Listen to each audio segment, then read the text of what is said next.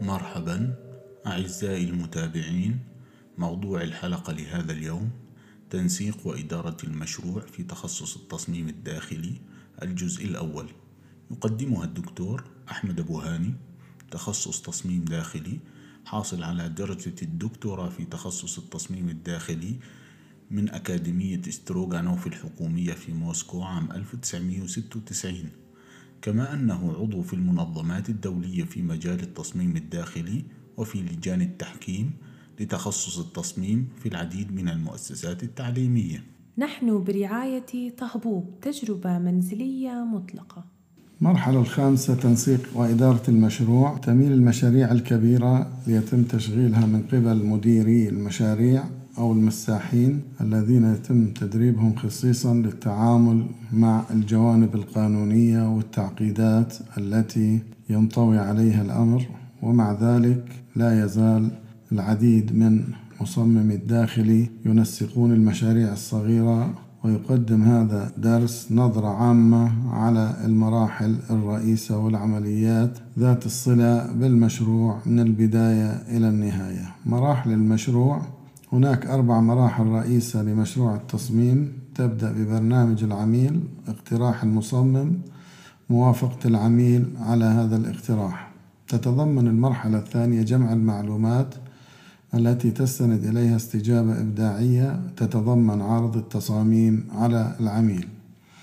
المرحلة الثالثة التي تلي عندما يوافق العميل على المخطط والتصاميم ويوقع عليها أي هي عندما يتم الانتهاء من رسومات العمل وجميع العمليات المسبقة للمشروع لبدء الإعداد. خلال المرحلة الرابعة يتم الانتهاء من المشروع ويكون هناك دوران ويتم تحديد هذه المراحل جنبا إلى جنب مع طرق الرسوم أو هيكل الرسوم بشكل واضح للعميل في العقد. ويكون للعميل خيار المتابعة مع المصمم خلال جميع المراحل الموضحة أو واحدة أو اثنتين فقط. عادة ما يتقاضى المصمم رسوما مقابل البرنامج لكن العميل لن يلتزم بالانتقال إلى مراحل أخرى حتى يتم توقيع العقد. المرحلة الأولى تحليل البرنامج والتصميم. الاجتماعات الأولى مع العميل ليست فقط لتحديد طبيعة العمل ولكن أيضا للسماح للمصمم بتثقيف العميل حتى يفهم أو تفهم كيفية العملية برمتها. ازداد الوعي بالتصميم الداخلي في السنوات الأخيرة ويميل معظم العملاء إلى أن يكونوا على اطلاع جيد بالموضوع ويريدون المشاركة بشكل كامل لذلك من المفيد في مرحلة مبكرة تحديد كيفية عمل العلاقة بين المصمم والعميل. يكتشف العديد من المصممين أن أخذ وقت بعد عملية البرمجة أنه سيؤتي ثمار لجلسة كتابة تحليل التصميم ويأخذ هذا عادة شكل تأكيد للبرنامج ولكنه قد يتضمن أيضا قدرا كبيرا من المعلومات والتفاصيل الطرفية في جوهرها.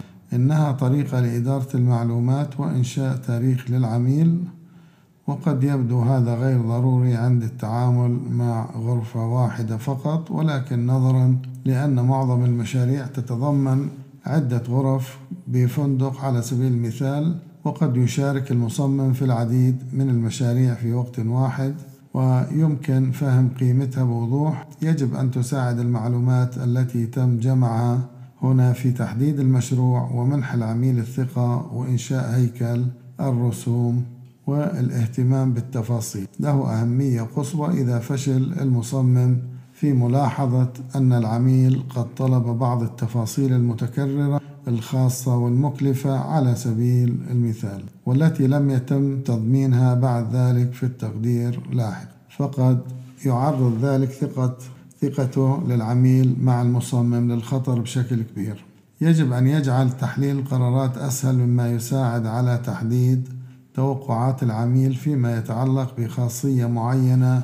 هل يقوم العميل بتوفير مخصصات لعشر سنوات قادمة على سبيل المثال أو يبحث عن حل قصير الأجل اقتراح ينبغي أن تحدد المراحل المختلفة للمشروع وبتشير إلى ما يمكن للعميل أن يتوقع الحصول عليه عن طريق الرسومات والرسوم التوضيحية ورسوم مشروع الخدمات في كل مرحلة بالإضافة إلى ذلك يجب أن تحتوي على شروط وأحكام مفصلة للأعمال ويجب أن يوفر الاقتراح للعميل بعض المرونة وأن يتم تصميمه قدر الإمكان ليناسب متطلبات العميل والجدول الزمني المناسب له.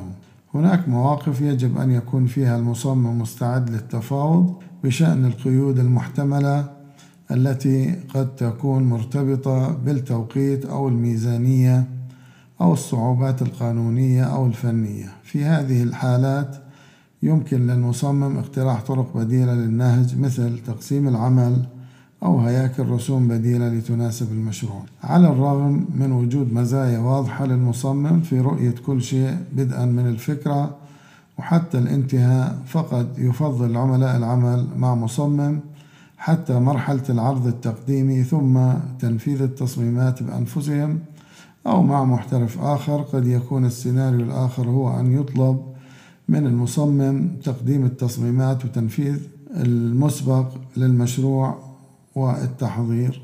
على سبيل المثال تدار المشاريع فقط من قبل مكتب التصميم في الولايات المتحدة ومع ذلك يمكن أن يتم التصميم أو الإدارة من قبل اثنين من المصممين المختلفين من بين الموظفين. المرحلة الثانية اللي هي المسح والتحليل بمجرد موافقة العميل على الاقتراح يمكن للمصمم بدء المرحلة التالية من تجميع المعلومات كأساس للعملية الإبداعية والتي تبدأ بالمسح والقياس في الموقع ويجب أن يكون المسح دائما شاملا قدر الإمكان. ستوفر بضع ساعات إضافية يتم إنفاقها على هذه في بداية المشروع والأيام التي تم قضاءها في التحقق. من التفاصيل في الموقع أو تتبع معلومات إضافية لاحقا في المشروع. بالإضافة إلى هذه المهام العملية يمكن قضاء الوقت في الموقع في تجربة الغلاف الجوي حجم المساحة مما يساعد المصمم في العملية الإبداعية الشاملة وغالبا ما يتم نسيان هذا الجانب بسهولة عند التركيز على المسح نفسه وأخذ التفاصيل الدقيقة التي ستساعد في تحديد المساحة خلال المرحلة التالية بمجرد تحديد المفهوم فإنه يتطلب مزيدا من التحليل والتفاصيل والتقييم. وأخيرا يمكن تقديمها إما كصور غير رسمية توفر معايير للمصمم أو كلوحة مفهوم أكثر رسمية لعرضها على العميل في مرحلة العرض التقديمي الرئيس للمشروع. النقطة الثانية اللي هي تخطيط مخططات وتصميم. المساحات بتشكل خطة مساحات متدرجة مأخوذة من المسح وهي أساس عملية التخطيط الفراغي وتدعمها الرسومات التقريبية لمساعدة المصمم على تصور الأفكار أفكاره أو أفكارها بمجرد ظهور حل التصميم النهائي.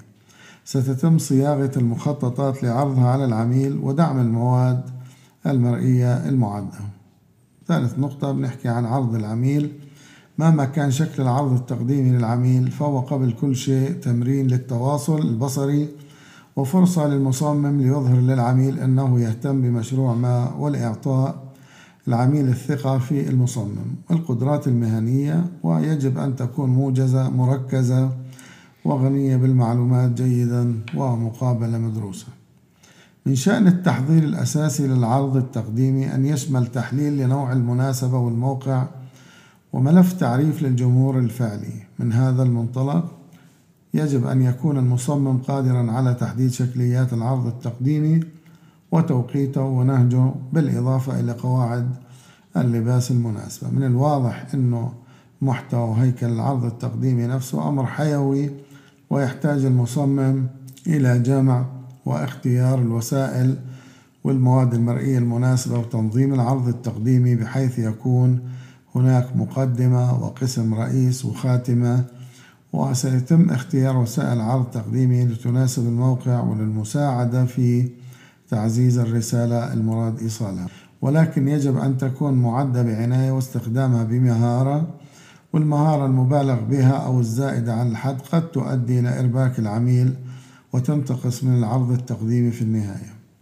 أي يمكن أن يتضمن الإعداد المفيد الإضافي اتخاذ قرار بشأن استخدام الملاحظات الكاملة أو الملاحظات الموجزة كمتطلبات أو عدم استخدام الملاحظات على الإطلاق ثم تشغيل العرض التقديمي عدة مرات للحكم على التوقيت وتجديد المحتوى وإذا كان من الضروري تخفيف أي قلق يمكن أن تكون محاولة توقع الأسئلة التي قد تطرأ ومفيدة. من المهم أيضا تقديم العرض كعرض تقديم بشكل صحيح ويحتاج المصمم إلى إظهار الاحترام للجمهور والتقدير المناسبين وبدرجة من الرسمية والمهنية لهذه المناسبة. كل مع والصوت عوامل مهمة لهذا الجانب والحماس والسرعة كلها ضمان التسليم الناجح وكذلك لغة الجسد المناسبة والموقف واستخدام التواصل البصري الجيد. رابع نقطة بنحكي عنها موافقة العميل أحيانا يكون العرض التقديمي جيدا لدرجة أنه المصمم يشعر بالبهجة بعد ذلك وفي مناسبات أخرى قد لا يكون ناجحا جدا مهما كانت نتيجة العرض التقديمي ويجب أن يظل المصمم مركزا على المرحلة التالية وهي موافقة العميل. قد لا يكون من الممكن الحصول على التصميمات على الفور ولكن هناك طرق لتشجيع العميل من خلال عملية صنع القرار. في بعض الأحيان سيتطلب هذا بعض العمل الإضافي والتكيف ومن المهم أن يأخذ المصممون النقد بشكل إيجابي ويحافظوا على نظرة مرنة أثناء العرض. ولا يتم قمع أي انتقادات موجهة بشكل كبير على تقديم مقترحاتهم وهناك مناسبات يستحق فيها وضع اقتراحات بديلة في الاعتبار. لا سيما فيما يتعلق بالميزانية.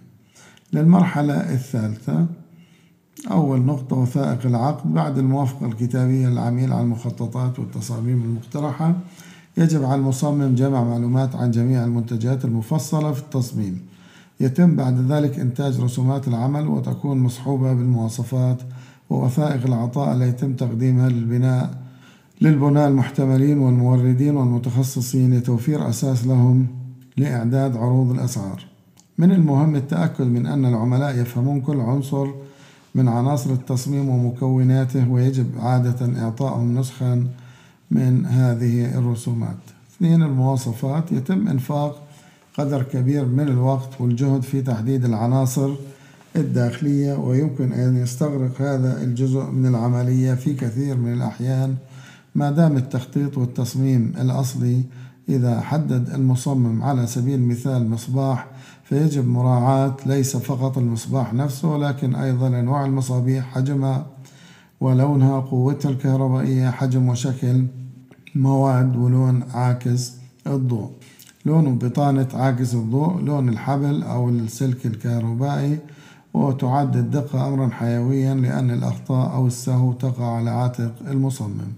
يمكن أن تكون مكلفة يمكن تضمين عينات من المواد والتشطيبات التي سيتم استخدامها ويجب أن يوضح جدول لإنهاء لون الطلاء ونوعه وعدد التطبيقات المطلوبة. عند وضع المواصفات يتمتع المصمم بفرصة تضمين بنود المقاولين للتأكد من أنهم يعملون بطرق مسؤولة بيئيا عند اختيار المقاولين ومن الواضح أن المصمم يحتاج إلى النظر في مدى ملائمتها فيما يتعلق بحجم المشروع. إذ من المحتمل أنه لن يكون عمل المقاول معروفا من قبل للمصمم فقد يكون من الأفضل اختيار عضو في جمعية مهنية أو العثور على شخص يأتي مع توصية شخصية في بعض الأحيان. سيقترح العميل أيضا مقاولين لتقديم عطاءات. النقطة الثالثة العطاءات والتقديرات. في معظم الحالات يخضع المقاولون للمشاركة في عطاء تنافسي أو قد تكون مسألة التوصل إلى اتفاق من خلال التفاوض. ومن المهم هنا التكلفة والوقت في المشاركة عند إعداد تقدير لتقديم العطاءات ويمكن أن يكون فلكيا وبالتالي يمكن أن يكون مكلف للغاية بالنسبة للشركة إذا كانت النتيجة غير مواتية. هناك آراء متباينة حول فائدة تقديم العطاءات أو المناقصات. كما هو معروف في المملكة المتحدة على سبيل المثال تسمح المناقصات للمقاول بالاستفادة من الأخطاء أو التفسيرات الخاطئة في الرسومات أو المواصفات أو الفاتورة أو غير ذلك. كما كتب جيمس أرنولد مستشار قاضي للعقود. والمناقصات التنافسية التي تختار أقل سعر هي منافسة للعلاقة بين العميل والمقاول. ويستفيد المحامون على حساب الجودة من أجل تأمين العمل بأقل من سعره. كما ذكر السير جون إيغان مقتطف من تقرير إيغان. من المفيد أن تكون رسومات العمل وتقديرات التكلفة والعقود لاختيار المقاولين الرئيسيين ومن المعتاد أن يمر المصمم في العطاءات مع العميل وأن يقوم العميل بالاختيار النهائي حيث من المحتمل أن يكون العقد بين المقاول والعميد وليس بين المقاول والمصمم.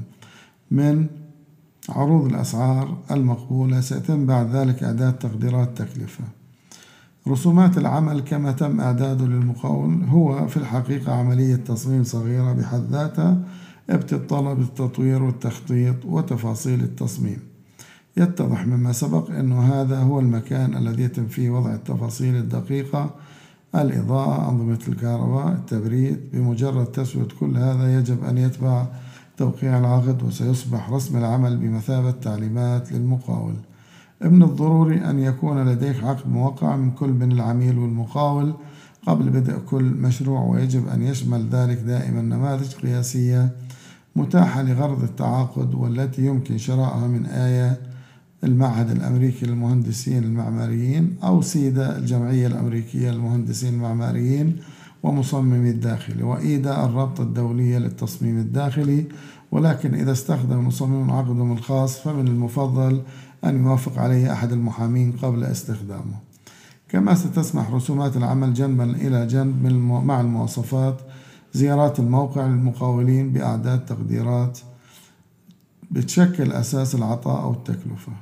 رابعا التصاريح سيكون أيضا من المهم في هذه المرحلة أن يسعى المصمم للحصول على أي أذونات ضرورية وموافقات من الهيئات التنظيمية المحلية ذات الصلة وينبغي عدم التقليل من أهمية هذه وأي تأخير سيخلق مشاكل فيما يتعلق بالمشاريع واحتمال أن يحدث بدونها ويجب على المصمم أن يكون قادر على إكمال النماذج اللازمة بدقة وكفاءة ويجب أن يتابع دائما جميع الطلبات ويجب دائما استشارة مسؤول الكود فيما يتعلق بالتغييرات في التخطيطات أو الإضافات الداخلية أو تغييرات أخرى على المظهر الخارجي.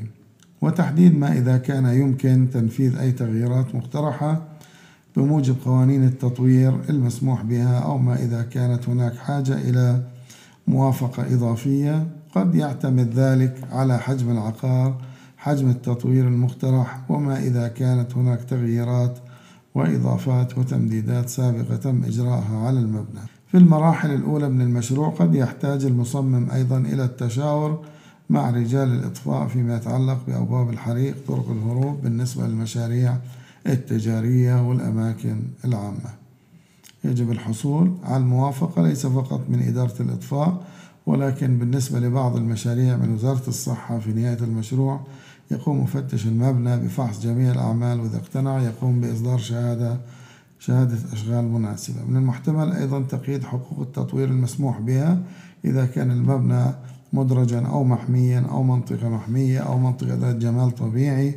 رائع كمثال في المملكة المتحدة قد يتطلب المبنى المدرج موافقة بناء مدرجة فقط ولكنه قد يتضمن أيضا إذن تخطيط. قد لا يكون من الضروري الحصول على موافقة رسمية للأعمال البسيطة الإصلاح ولكن يجب وضع جدول زمني للإصلاحات وتقديمه إلى سلطة التخطيط المحلية للحصول على تأكيد كتابي بأن العمل يمكن تنفيذه دون موافقة رسمية. قدم هذه المادة الدكتور أحمد بوهاني.